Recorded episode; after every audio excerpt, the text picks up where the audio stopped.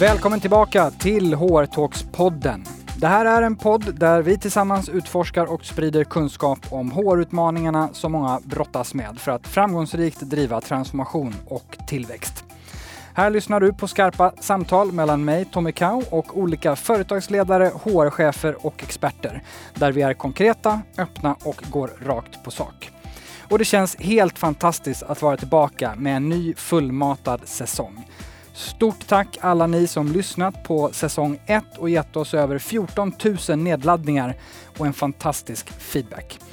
Det betyder att ni är väldigt många som varje vecka lyssnar på HR-talks-podden. Vi är otroligt glada, imponerade och tacksamma över engagemanget, både i frågorna vi lyfter och i podden i stort. Så från hjärtat nu, tack till alla som gör det och extra tack till er som engagerar er, ger feedback, ställer lyssnarfrågor, prenumererar på oss och betygsätter oss och följer oss i sociala medier. Vi kommer fortsätta leverera mer av det ni gillar allra mest med en mix av olika gäster, ett fokus på utmaning och inte person, möjligheten till att ställa lyssnarfrågor, flera olika längder på avsnitten och som sagt ett rakt på, konkret och ärligt sätt utan fluff. Vi har också kommit med ett matnyttigt nyhetsbrev som du kan anmäla dig till och vi ger ännu mer tips och kunskapsdelning i våra sociala kanaler. Nu laddar vi för säsong två. Innan vi gör det vill jag lyfta poddens första viktiga samarbetspartner.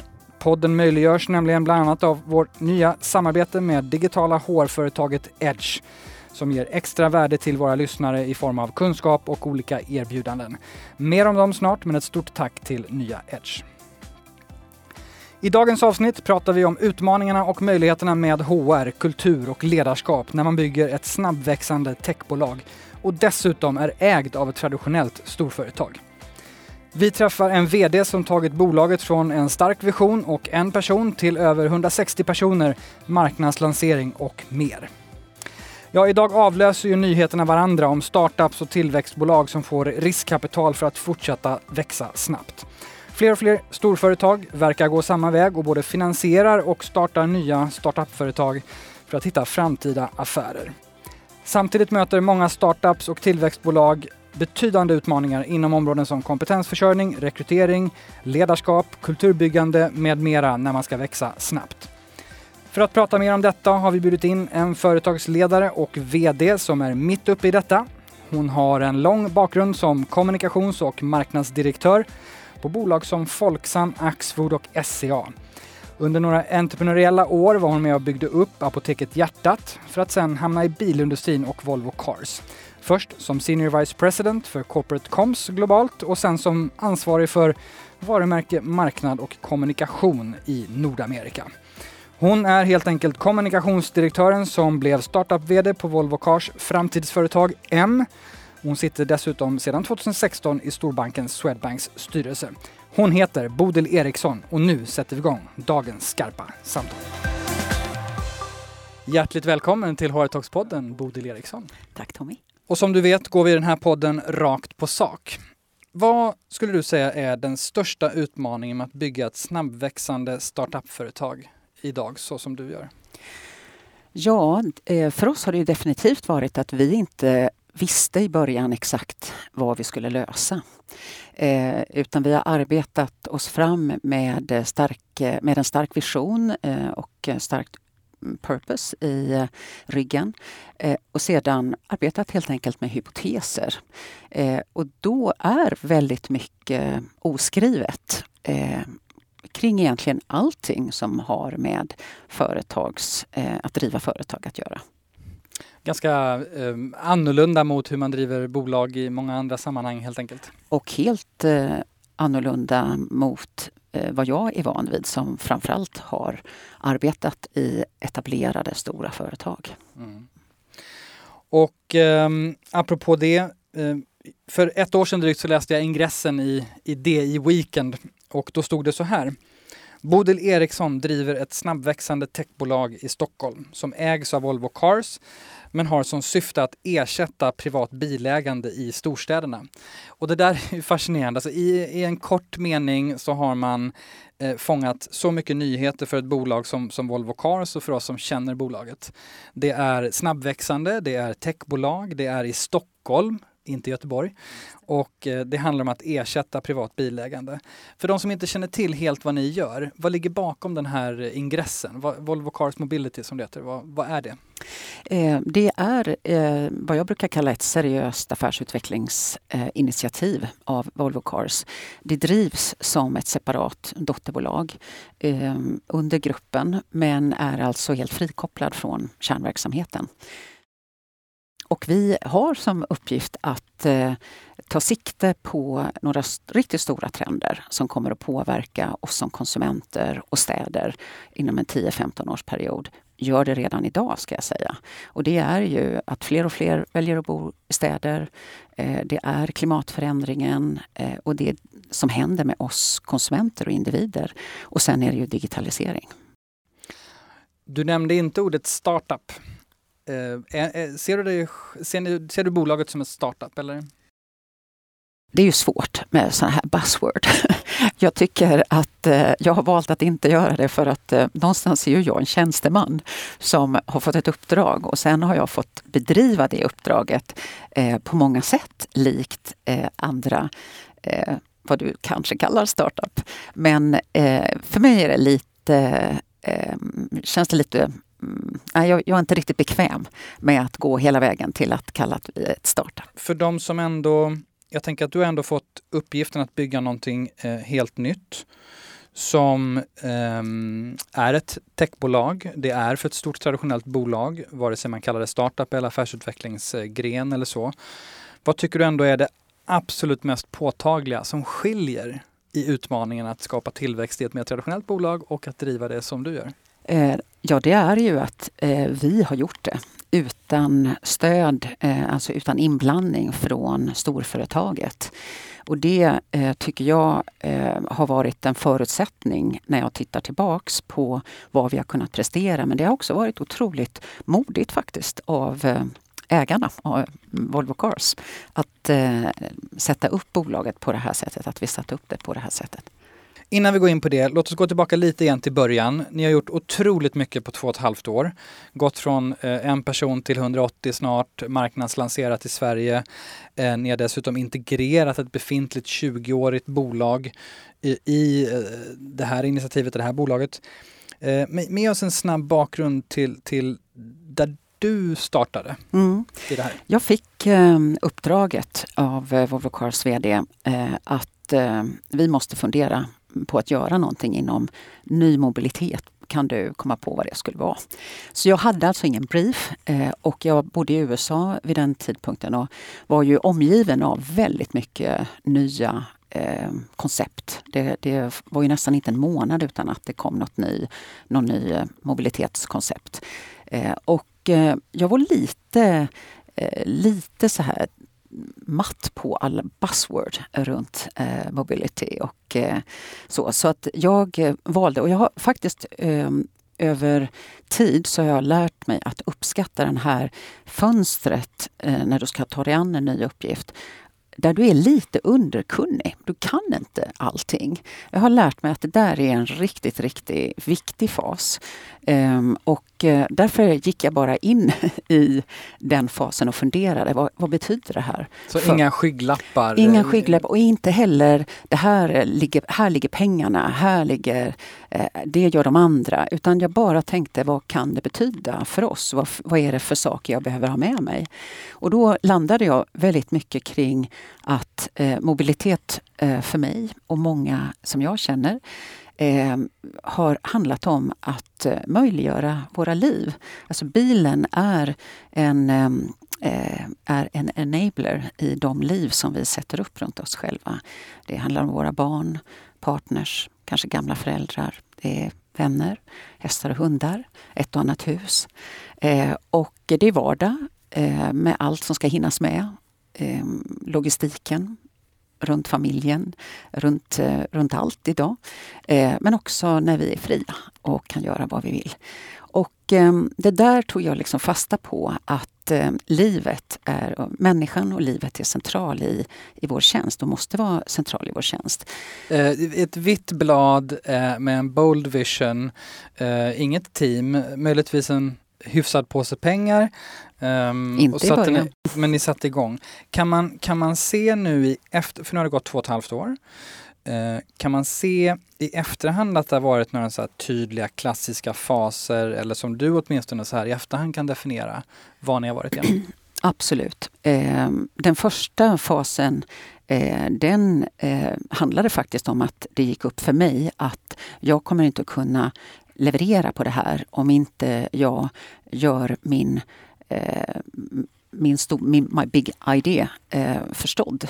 Och, eh, så den första fasen handlar ju om strategi och data kring eh, varför min strategi och mina... Eh, och det här var ju väldigt high level men trots allt så satte jag, eh, medan jag var fortfarande ensam, en grundbult kring strategi som var helt avgörande för att jag skulle få med mig eh, min styrelse. Och sen har vi gått igenom eh, flera faser. Eh, framförallt den här långa fasen där vi bara utforskade eh, och testade tillsammans med användare och började definiera vår service. Och sen att väldigt snabbt röra sig in mot att vi måste bli liksom färdiga att gå på marknaden och sen live. Om du tar ett litet steg tillbaka, vad tycker du är mest intressant om du ändå tittar tillbaka på de här två, eller snart tre åren då? Mm.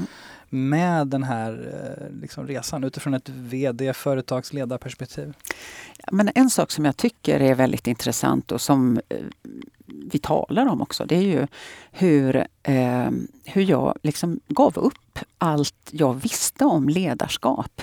Det var så uppenbart att det här var någonting annat. Och Eh, att jag inte hade svaren. Eh, jag har ju suttit i koncernledningar sedan jag var 24 år och eh, någonstans i den världen så mm, där finns ju alla svar, eller hur? Där, eller förväntas finnas. Förväntas finnas och där kommer all kunskap tillsammans och så. Källan till allt. Just det. Men här är det ju nästan per definition tvärtom. Mm. Eh, och har varit. Och det, vi kanske mognar in i någonting annat eh, över tid. Men under den här perioden så har det ju eh, det, krävdes, det krävdes av mig att ta ett rejält kliv tillbaks. Och ehm, lite mer go with the flow. Eh, och jag hade ju kunniga medarbetare, fantastiskt briljanta personer. Och eh, alla bidrog de på olika sätt med att skapa ett annat sätt att leda eh, och skapa det här bolaget. Och hur, hur var det om man skulle tittat in då? Ja, det blev ju det var ju agilt, Scrum. Det var fantastiskt mycket UX, fokus på kundresa inte någon eh, finans eh, egentligen. Väldigt lite finansiell påverkan eller eh, styr, inte, inte finans som styrmedel. Och inte någonting klassiskt egentligen. Jag, det är först nu som jag kommer att eh, skapa en företagsledning till exempel. Så jag har verkat liksom utan de här eh, utan den struktur som jag har känt i hela mitt yrkesliv. Eh, var det för att du kände en, liksom en sån tydlig press från dem du plockade ombord eller var det för att du var nyfiken eller var det för att du insåg att det här måste bara rattas på ett helt annat sätt. Än vad jag, för du kommer ju från Volvo Cars, mm. moderskeppet också, när du klev in i det här. Eh, det var absolut eh, det sista, alltså att jag kände att det här måste drivas på ett annat sätt. Och eh, jag tror att det eh, var också en... Ehm, det var både en stor portion eh, nyfikenhet och ödmjukhet men vi var liksom helt on fire alltså. Och det var skönt att komma till jobbet och fråga sig hur kan jag bidra idag? Ja, det kanske är att boka en flygbiljett åt någon som inte klarade av att komma in i något system eller sådär. Men det var verkligen inte det klassiska. Sen tog det något år innan vi började eh, ja, inte kanske åtta månader eller så innan vi började formulera affärsplaner och sådär. Men just när vi började, jag kände att det var väldigt kritiskt. Vad har du då fått unlearna, om man kallar det så, som, som ledare? Eh, Ja, väldigt mycket. Eh, väldigt mycket, framförallt just i min chefsroll. Eh, men också att eh, det vi gjorde jag tror att när vi startade var vi oerhört jämlika. Eh, den lilla gruppen som startade var oerhört jämlik i termer av ehm, att alla var väldigt erfarna och därför skapades det en, en otroligt spännande dynamik. Sen hade vi med oss några saker som vi alla trodde på. Och det var ju sådana här uttryck som disruption can't happen from within. Eh, att eh, vi, vi fanns där för att göra saker som inte var möjliga att göra i storföretaget. Och eh, jag hade varit i London på en eh, startup eh, incubator och där hade de en beskrivning över alla steg man måste igenom. Eh, från liksom att lösa, vad är det vi ska lösa, till att börja exploration och sådana här saker. Den skrev jag på en, en av väggarna. Jag fick ju mycket lite utrymme ska jag tillägga. Det var ju post-its överallt. Men den, den ritade jag upp och intressant nog var det i början för att berätta för eh, Volvo Cars och här, kollegor som kom, vad är det vi gör här? Hur jobbar ni? Hur jobbar vi? Men sen har det ju blivit någonting som vi också faktiskt har levererat på exakt som jag ritade. Så det är rätt intressant. Om man börjar eh, zooma lite till så att säga HR, kultur, ledarskap och så vidare. Vad tänker du har varit allra viktigast för dig som, som ändå ytterst ansvarig för det här? Under resan vad gäller kultur och ledarskap? Jag har haft eh, enormt eh, hjälp av det jobb vi gjorde när jag startade när jag var ensam. För då utvecklade vi eh, på basis av mina första eh, idéer och min första strategi så utvecklade vi en mycket mer genomarbetad eh, sådan där vi också kvantifierade och, och med, med, både kvantitativ och kvalitativ data eh, satte varumärkesplattform ehm, men framförallt liksom förstod konsumentmönster och så. Och eh, det det har ju blivit väldigt mycket mitt sätt att leda. Och i början var vi ju otroligt besjälade och talade bara om det. Vi hade så mycket workshop och diskussioner och lärde oss hela tiden av, av eh, samtal med kunder och konsumenter. Eh, och sen har det ju krävt att jag har systematiserat de här sakerna. Det händer inte längre bara i ett rum. Just det. Vi hade väl 12 stolar i den där första studion på Epicenter. Sen började vi spilla ut utanför och sen fick vi ett eget kontor högre upp i huset. Och eh, då eh, började vi med storytelling. Vi, hade, vi har ju demo varje vecka och då började vi med storytelling för att igen dra om. Vad är det vi har varit igenom? Vad har vi lärt oss? Vad, har vi, vad, vad tror vi på? hur kunde det mm, te sig? Vi delade eh, vad, vi, vad vi är passionerade kring. Den här att vi tror på förflyttningen från eh, att äga till att bara använda. Och att vi tror att det skiftet inte har hänt på grund av att inget är bra nog. Eh, vi delade vad vi visste om konsumenter, hur redo de är för det här men de har inte hittat något alternativ. Eh, vi beskrev hur mycket vi hade testat. Vi åkte till USA och testade allt som fanns i termer av koncept. Och eh, vi drog väldigt, väldigt viktiga slutsatser mm. kring eh, vad vi trodde saknades. Eh, och vi gjorde som Steve Jobs har lärt oss, börja med kunden och mm. jobba er bakåt. Eh, vi har ju väldigt mycket kvar bakåt att göra, kanske ska tilläggas. Men eh, sådana saker. Så vi mm. berättade allt kring eh, det ja, gedigna jobb som vi gjorde i början. Mm. Som satte en väldigt stabil bas för oss. Och du har sagt vid något tillfälle, om jag minns rätt, att man du behöver vara väldigt datadriven i de här lägena. Samtidigt så låter det som att ni var väldigt, väldigt lustfyllda och liksom missionsdrivna och passionate. Ja, men jag tror inte den ena behöver utesluta det andra för att eh, det är, eh, hela vår tjänst bygger ju på data. Eh, det är ju också framförallt, skulle jag säga, eh, helt förankrat i den här typen av medarbetare jag har. Eh, vi hade ju Data Scientist med från absolut start. Och hela förfarandet kring digitaliserade affärsmodeller bygger på det. Mm. Så att det har aldrig stått i kontrast utan det har snarare varit en källa för trygghet och professionalism. Mm.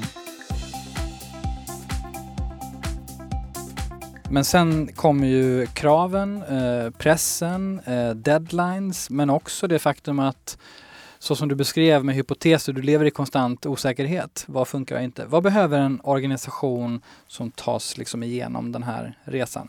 Vad behöver en sån palla? Vad har du för ja. reflektioner kring det? Det är en väldigt bra fråga därför att eh, vi sa ofta i början där att, eh, att vi behöver skapa en kultur som, är, som bekräftar det vi vet. Mm. Inte söker fel eller rackar ner på det vi inte vet. Eh, därför att när mycket är okänt så gäller det ju att skapa eh, trygghet och Eh, en, en stark bas. Och det gör man ju, liksom, det är som en myrmark. Du vet, man måste slänga ut några stenar. Så, så bär det. Och så slänger man till, ut några till och sen har man en väg där.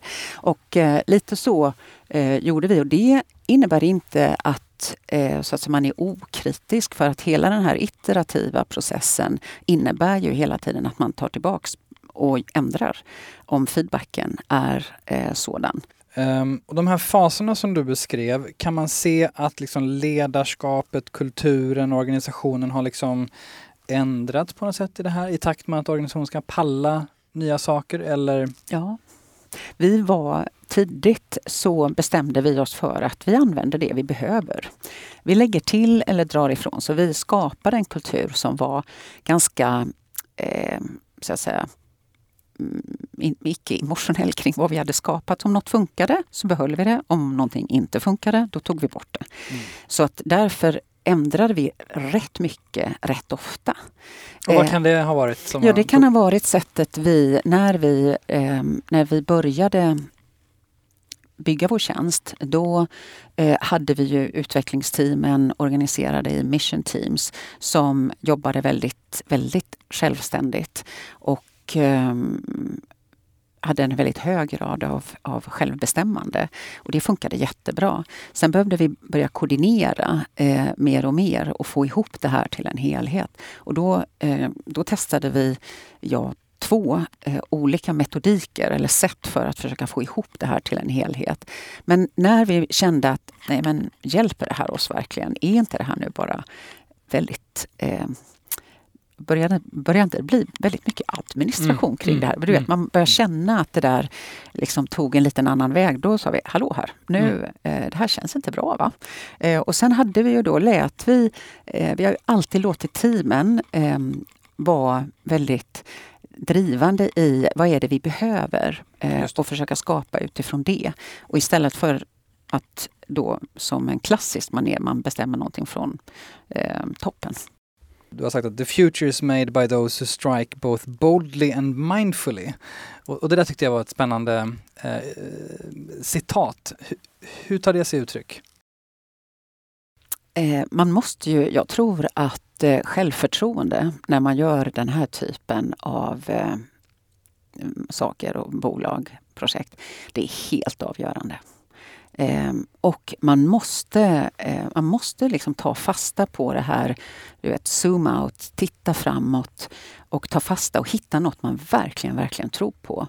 Eh, och det, det menar inte jag är eh, skilt från analys eh, eller data eller så, utan det, det är där det kommer. Men jag tror att eh, för att verkligen kunna vara mindful och verkligen vara, eh, liksom slå an en sträng hos människor så måste de där komponenterna finnas. Mm. Vilka knappar tryck, har du tryckt på för att bygga självförtroende? När, återigen när det är en ganska osäker man måste göra ett antal bets och sen vet man inte om det. Men jag tror att det är just att man inte går vilse i den där mellanfasen, du vet tre till fem år. Strunta i det, utan titta på... Jag blev just bekräftad i, eh, av en eh, kunnig person som föreläste om det här. Jag blev eh, bekräftad att herregud, det där är precis vad vi har gjort. Men vi tittar ju framåt eh, och de trenderna är går inte att argumentera emot. De är redan här idag och de kommer att bli kraftfullare i framtiden. Gör du det, då har du på något sätt redan en bas. Då har du redan någonting som är odiskutabelt nästan. Framtidssäkrat på ja, något sätt? Ja, precis. Eh, och relevant, för där bygger du, du, din yttersta relevans. Varför ska man investera i det här? Eh, och sen är det kortsiktigt då. Vad är det som kommer hända eh, nu? Vad är redo att hända nu? Eh, och då återigen inte lova bort sig i, det upplever jag att i den traditionella företagsvärlden, att man, man lovar bort sig så mycket i planer på två, tre, fyra, fem år. Eh, som ju någonstans alltid finns kvar i folks medvetande, eller hur? Du menar att man, man overpromise eller man tittar längre fram än vad som är realistiskt, att man ens kan förutspå? Jag menar att företag är vana vid att jobba med tre och femårsplaner och därför gör man en tre, års, tre till femårsplan. Medan när man ägnar sig åt den här typen av eh, företag och nya initiativ, då har man ju ingen aning. Man har absolut ingen aning. det är Så det är försöka. ju meningslöst att göra det egentligen. Mm. Um, jag tänker en annan sak som, som ju ni vittnar om väldigt tydligt är ju speed. Mm. Du har varit inne lite på det, att man plockar bort saker som inte ger värde. Om du som VD ska eh, öka speed i din organisation, vad är, vad är knapparna då som du trycker på eller har gjort? Ja, det där är ju, eh, det har varit, tycker jag, väldigt intressant därför att i början, det som i början gav oss speed har nu börjat liksom slow us down lite. Så att jag tror man måste helt enkelt vara otroligt uppmärksam på eh, vad är det i ens egen organisation som skapar speed. I en fas kan det ju faktiskt vara att vara otroligt eh, att delegera så mycket att du mm. nästan... Väldigt autonom. Ja men mm. precis. Eh, medan senare när du har kommit och nått en viss eh, eh, komplexitet så eh, är det kontraproduktivt. Så att eh, speed tycker jag alltid handlar om tydlighet. Mm. Eh, och jag är ju en stor vän av empowerment. Alltså jag, jag har ju några uttryck då som jag har haft under min eh, karriär och eh, några är att det är en mänsklig rättighet att få vara brainy på jobbet. en mänsklig, det är en mänsklig rättighet att få vara brainy på jobbet. Ja, det får du utveckla. Jag tycker att man jobbar mycket så att man måste få eh, vara smart och upp eh, utforska och skapa. Eh, kreera och komma med, med bra och då krävs det några saker. Då krävs det dels att du har den här tydligheten i, i strategi och varumärke så att man har så att eh, vi springer åt, åt samma håll. Eh, och sen eh, har jag ett annat uttryck som är strategic by the minute och det är ju att i, ingen kan ju liksom eh, låsa in sig och vara strategisk någon dag utan här gäller det ju att verkligen förstå att varje beslut vi fattar har en strategisk tyngd och en påverkan på vår eh, dit vi vill komma. Och då eh, måste man fråga sig, hur gör vi då för att folk ska vara och kunna vara strategic by the minute? Och eh, här menar jag att det handlar om att man verkligen eh, talar om sin affär och förankrar den. Eh, och allt det som är viktigt för att fatta kloka beslut. Att prata mycket om det, eh, komma tillbaka till det hela tiden. Eh, nu är du en eh, kommunikatör i grunden som sen blev företagsledare och VD. Hur mycket spelar det roll tror du i den här typen av satsningar eller bolag, startups eller affärsutvecklingsinitiativ att det är en mycket kommunikativ person som är vid, vid rodret? Nu upplever jag att det jag bär med mig är mycket bredare än, än en erfarenhet inom ett sakområde så att säga. Eh, men jag tror verkligen, det är, det är mer sådär vilka... Jag har ju varit väldigt mycket rådgivare till de VD jag har jobbat med och, och eh, jag tycker de här insikterna som jag har lärt mig över åren kommer ju tillbaks till engagemang. Alltså hur får du medarbetare engagerade? Hur skapar du empowerment hos människor? Och där är det ju faktiskt eh, inclusiveness som gäller. Du måste liksom visa att du på allvar vill dela det som är viktigt. Och då kommer vi till, eh, apropå generositet kanske, Eh, vi hoppar över till relationen till moderskeppet. Eh, för de har ju då varit generösa på olika sätt att se till att det här har hänt och att ni fått de här tyglarna. Samtidigt som jag inbillar mig att den här symbiosen, eh, det finns en dynamik där som verkligen behöver fungera. Och som många lyssnare nog är lite nyfikna på, hur får man det där till att fungera? Hur, hur leder man uppåt, som jag kallar det? Ja, jag har gjort det genom tydlighet. Eh, dels alldeles i början genom att eh, vi ägnade tid och kom överens om hur vi skulle sätta upp det här bolaget och vad, vilka principer som skulle gälla. Du nämnde spelregler förut. Kan du dela med dig av? Ja, vi vet ju alla att stora företag har mycket policies, har mycket mm, rutiner. Allt från hur du köper in saker till eh, hur du beställer saker till beslut, hur de fattas och så vidare. Och allt det där är ju för ett, ett nystartat eh, företag som på snabbt snabb tid ska utforska och komma fram med en lösning är ju det där rena dödspillret.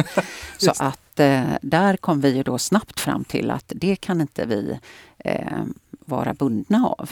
Utan vi har en annan delegation of authorities och vi, vi eh, har en, en eh, ett sätt att rapportera tillbaka eh, till styrelsen som, inte, alltså som följer det här bolagets förutsättningar och behov. Jag har haft, eh, jag har haft fantastiskt engagerade personer i den här styrelsen eh, som ju också är mina gamla kollegor. Eh, och det är nog en en eh, insikt att ta med sig att man behöver champions mm. på insidan. Så att säga av om man, om man hör till en eh, koncern eh, som vet väldigt, väldigt mycket om vad du gör.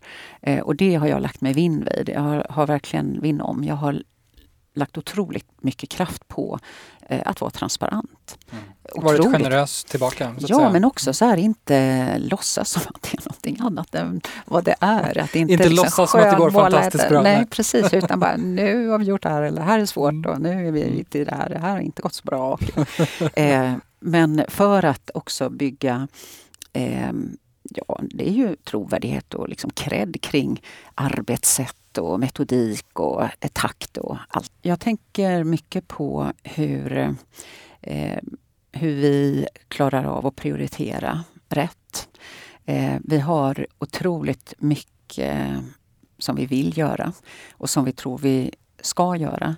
Eh, men vi har också en, en verklighet med, som du började berätta om, en, en befintlig affär med kunder som förväntar sig lösningar och, och vi kommer att leva upp till de förväntningarna hoppas jag och vet nästan redan att vi gör det eh, i alla avseenden. Och där eh, är det ju där är det otroligt eh, viktigt att, eh, att man liksom förstår vidden av prioritering. Om vi glider in lite mer och pratar konkret om, om HR eh, och HR-utmaningar och så. Här. Vad tänker du att den här resan som ni har gjort och är på, från ditt perspektiv som VD, eh, vad, vad, vad, ställer det för krav på HR? Eh, jag tror att vi var ganska fokuserade på att klara av tillväxten, alltså att klara av att rekrytera. Men vi var mycket, mycket mindre förberedda på växtverken. Mm. Eh, och vi drevs liksom av en sån entusiasm eh, och vi klarade så otroligt mycket så vi bara körde på. Mm.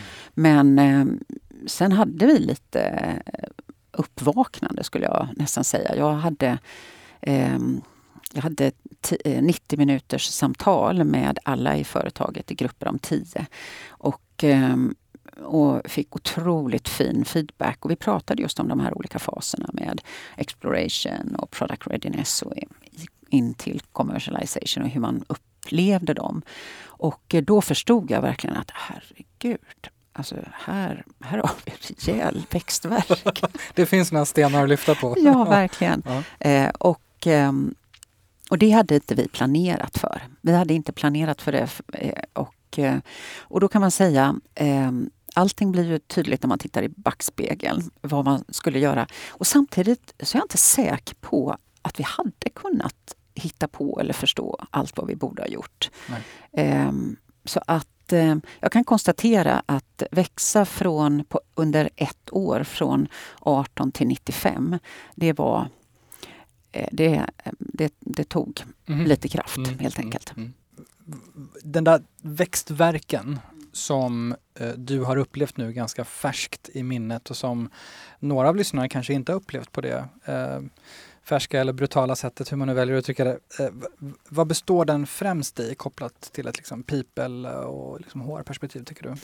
Eh, jag, jag tror att eh, även, det finns säkert eh, lyssnare som har varit med i stora företag och, och gör, göra stora satsningar. Och skillnaden är ju att då har du en eh, du har så mycket som är förankrat eh, och som är givet i bolagets inriktning och vad man gör. Och, du vet, det är så mycket som är givet. När, man, när du själv, eh, alltså som bolag, är i en utforskande fas och håller på att figure it all out. Och så tar du in nya som inte har någon aning om vad vi håller på att figure it out. Då kan man ju förstå liksom att eh, vi var inte så tydliga mot våra nya medarbetare som vi skulle ha, ha varit helt enkelt. Och eh, jag tror också att det är eh, viktigt att förstå vad en sån, en sån kraftig tillväxt som vi hade det här året, det gjorde ju också att, att eh, hela vår, vår eh, liksom varumärke och det blev lite förflackat. Mm. Så vi har tagit ett omtag nu och eh, jobbar tillbaks det så att vi verkligen har en syn och inte mm. väldigt många. Jag vill tacka vår samarbetspartner Edge. Vill du som HR-ledare eller chef göra din organisation till en av Sveriges tryggaste och schysstaste arbetsplatser. Som en del av HR-koncernen Wise Group hjälper nya Edge över 3000 kunder att förenkla och effektivisera sitt strategiska och operativa HR-arbete. Med nya Edge får du tillgång till mallar, dokument, checklister, kalkyler och svar på alla frågor inom HR. Och det bästa av allt, du kommer igång direkt online och i mobilen. Jag tycker att du ska börja förenkla din HR-vardag direkt genom att kolla in edgehr.se hrtalks.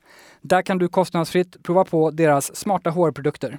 Edge, HR made easy helt enkelt. Om man tittar nu, vad, um, vad tänker du att du um, man säger HR-utmaningar framåt eller hur ni egentligen, jag vet inte om ni kallar det HR, du var inne lite på det ja, tidigare. Ja, vi kallar det eh, People eh, HR. Mm. Och eh, det, vi har ju också satt upp våra system själva så vi har eh, inte använt eh, storbolagets eller Volvo Cars system utan vi har satt upp enklare system för oss. Och där har det också varit en, en stor ja, en stor uppgift. Och vi har gått igenom några olika varv av olika leverantörer och som inte riktigt eh, fungerade så som vi ville. Eh, vi har också olika team med olika förväntansbilder på hur enkelt ska det vara eh, och så vidare. Kan man använda den där appen eller inte? Mm, och mm. Eh, hur går det tillbaks i? För vi har ju, vi har ju trots att vi har kunnat utveckla väldigt mycket av vår struktur själv så har ju vi en, en governance eh, tillbaks vårt, mot våra ägare naturligtvis och, eh, som vi rapporterar tillbaks och, och så vidare. Så det är ju ordning och reda, så där vill jag säga. Mm, mm. mm. Eh, och, eh, så vi, vi eh, har ju blivit, eh, skulle jag säga nu i en fas där vi kan utveckla vår, vårt vår People Agenda mycket mer, vilket ju är fantastiskt kul. Och vad tänker du när man är just VD eh, i en sån här resa, eh, både kanske det som har varit och, och, nu framåt. Vad är liksom en riktigt vass eh, HR-chef? Um, vad, vad, är det, vad, vad, vill du se hos en sån uh, för att vara den här sidekicken som, som många upplever att, att man, man har i en HR-chef när man växer väldigt mycket? För mig är det otroligt viktigt att man har en partner i, i sin HR-chef som, som verkligen äger det här. Mm. Um, de som, eh, ja man kan ju kalla det hygienkrav men det är mycket mer än så faktiskt. Mm. Eh, men eh, sen gäller det ju att, eh, att verkligen lyssna av organisationen. Det tycker jag är är så enormt viktigt. Att man har hjälp med att lyssna av organisationen. Att var, var är vi nu? Vad är, det vi, vad är det teamen behöver? Vad är det vi behöver som bolag? Eh, och eh, som har integritet i den rollen. När vi pratade innan här också så, så pratade du om den här harmonin mellan HR och affären som blir så, den blir så oerhört påtaglig i den fasen som ni har varit i. När man, liksom, mm. man, man, man liksom bygger affären från scratch. Mm. Vad, vill du utveckla lite vad du tänker, liksom, harmoni mellan HR och affären? Ja, jag tror att det, eh, det var flera bottnar i det där. En, en är ju mot eh, mot medarbetarna, mot team members, liksom att man har förtroende för HR, att det är en funktion som man kan gå till. Mm. Och, ehm, och det kräver en eh, skill och ett eh, ett, ett väldigt, för mig är det otroligt viktigt att, att det finns det förtroendet. Eh, å andra sidan så är det ju också ett redskap att, eh, eh att verkligen eh, få, eh, få sitt företag att fungera. Mm. Eh, och, ehm, nu har jag inget exempel, men ibland behöver ju inte de där gå i takt.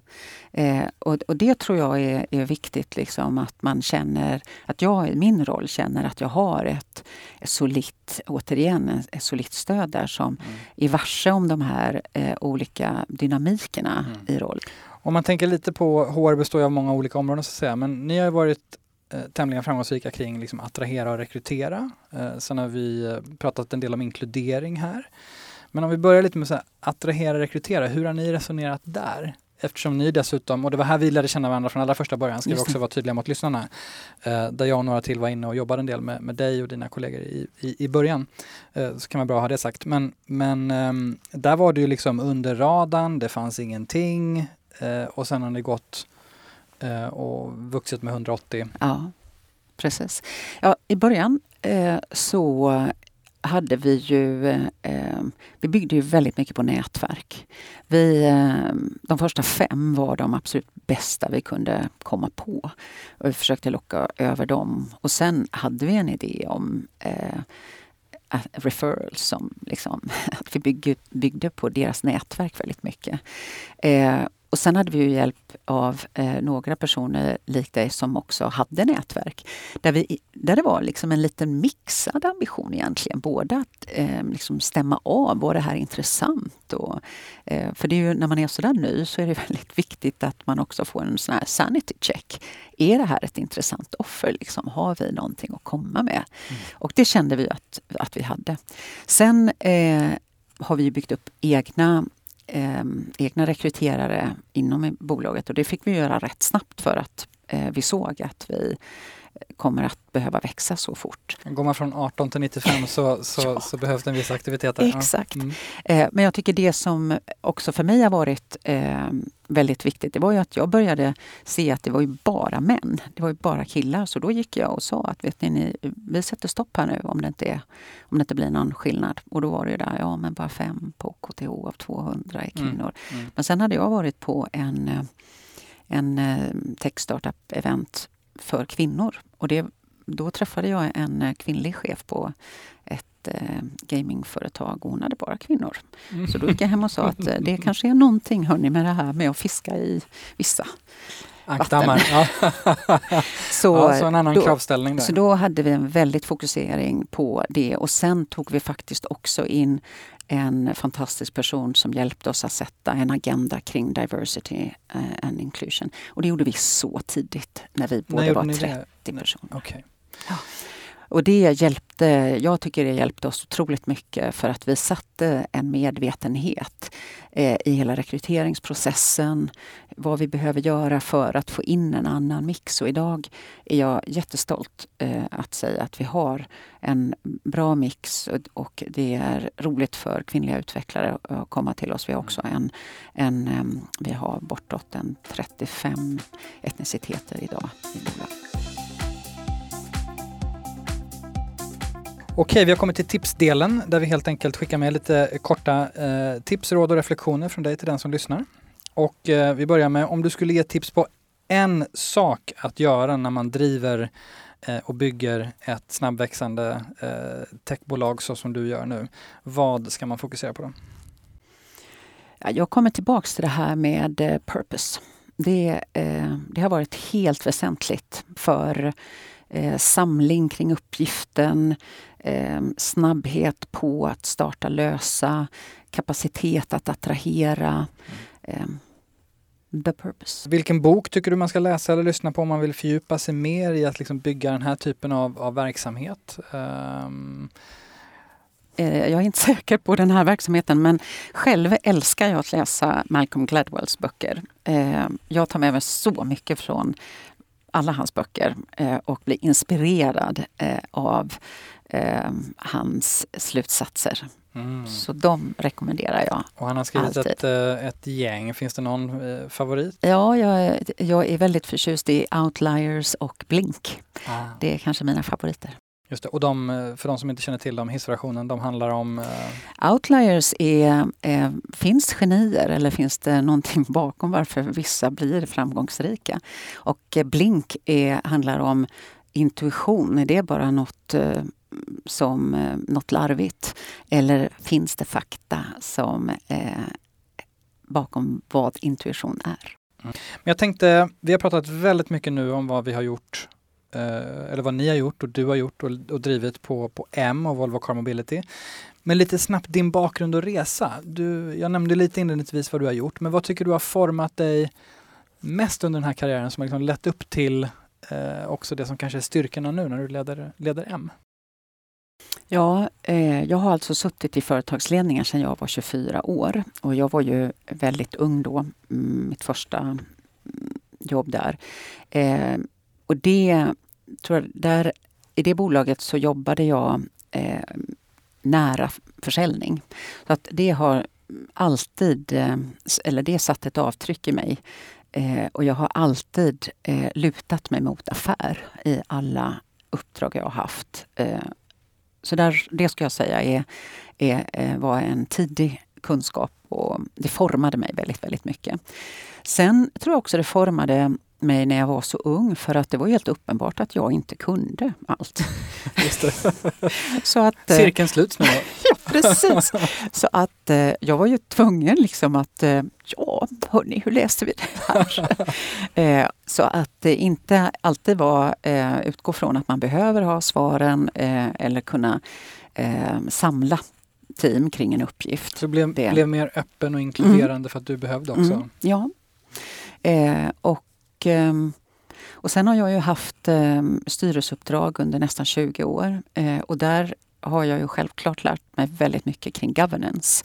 Och, ehm, och det har jag absolut nytta av idag. Att vikta för och nackdelar med att man kommer med din bakgrund in i ett sånt här uppdrag att bygga en helt ny verksamhet åt ett storföretag eh, kontra att man kommer med en Eh, ska man säga, mer startup eller entreprenöriell bakgrund. Eh, har du reflekterat någonting kring det eller om du får göra det nu? Eh, jag tror att så här långt har det fungerat väldigt väl just därför att jag inte har låtsats att vara någon som jag inte är. Utan jag har skapat ett team som bär väldigt mycket kunskap och är trovärdiga mot sina team. Och jag är trovärdig i att jag leder eh, det här bolaget, har det här uppdraget. Eh, och det, eh, det är ju väldigt svårt att säga ett annat uppdrag. Vilket, eh, sådär. Jag tror att vad man kan börja med att konstatera det är väl att det inte är givet vem som blir framgångsrik eller inte. Eh, om man äger sitt bolag, då äger man ju sitt bolag och det gör man ju som man vill. Mm. Eh, och sen kan andra bedöma om man är bra eller inte. så att säga. Men i det här fallet så, så tycker jag att det har blivit eh, väldigt lyckosamt därför att eh, jag har ett förtroende från ehm, min styrelse. Eh, och jag kan det bolaget. Ehm, jag vet förväntningar och hur man hanterar förväntningar. Eh, och eh, jag har eh, otroligt stöd i eh, mitt team, bland mm. mitt team, eh, i hur man gör det här. Jag mm. menar, jag har ju ingen aning om hur man kodar. Så det kan jag inte ha någon synpunkt på. Just det, precis. Det lämnar du åt andra. Nej, men jag tycker att vi har fått en, en slutsats från, från det här samtalet är att lite egentligen det som du sa precis, att det, det är betydligt mer nyanserat mm. i, i liksom vem är det som ska driva en sån här verksamhet eh, eller vem är mest lämpad eller vem gör det mest framgångsrikt. Mm. Där man instinktiv, uh, instinktivt på, på många ställen och från många, många håll tänker att man behöver ha in en, en person som absolut inte har din bakgrund, absolut inte har suttit i massa koncernledningar och varit i storbolag i, i, i många år, utan som är mer ofärgad av det. Men då får man å andra sidan, då tappar man eventuellt den här äh, förtroendet och den mm. djupa förståelsen för hur den här symbiosen behöver fungera. Mm.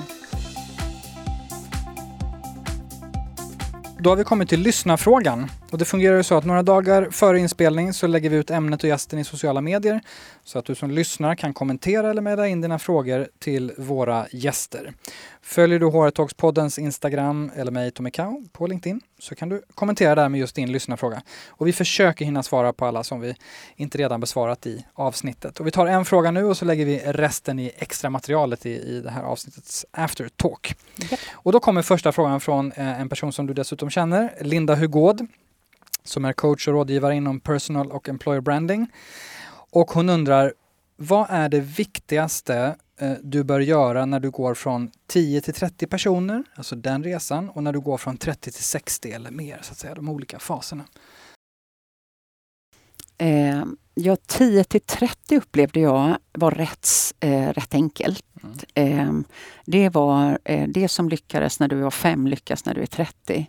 Eh, sen eh, behövs det en helt annan systematik för onboarding, för liksom verkligen förankra att eh, de saker som är kritiska är förstådda och att man liksom ger sig tid för det. Och också eh, onboarding, inte bara för bolaget men i, i arbetsuppgiften.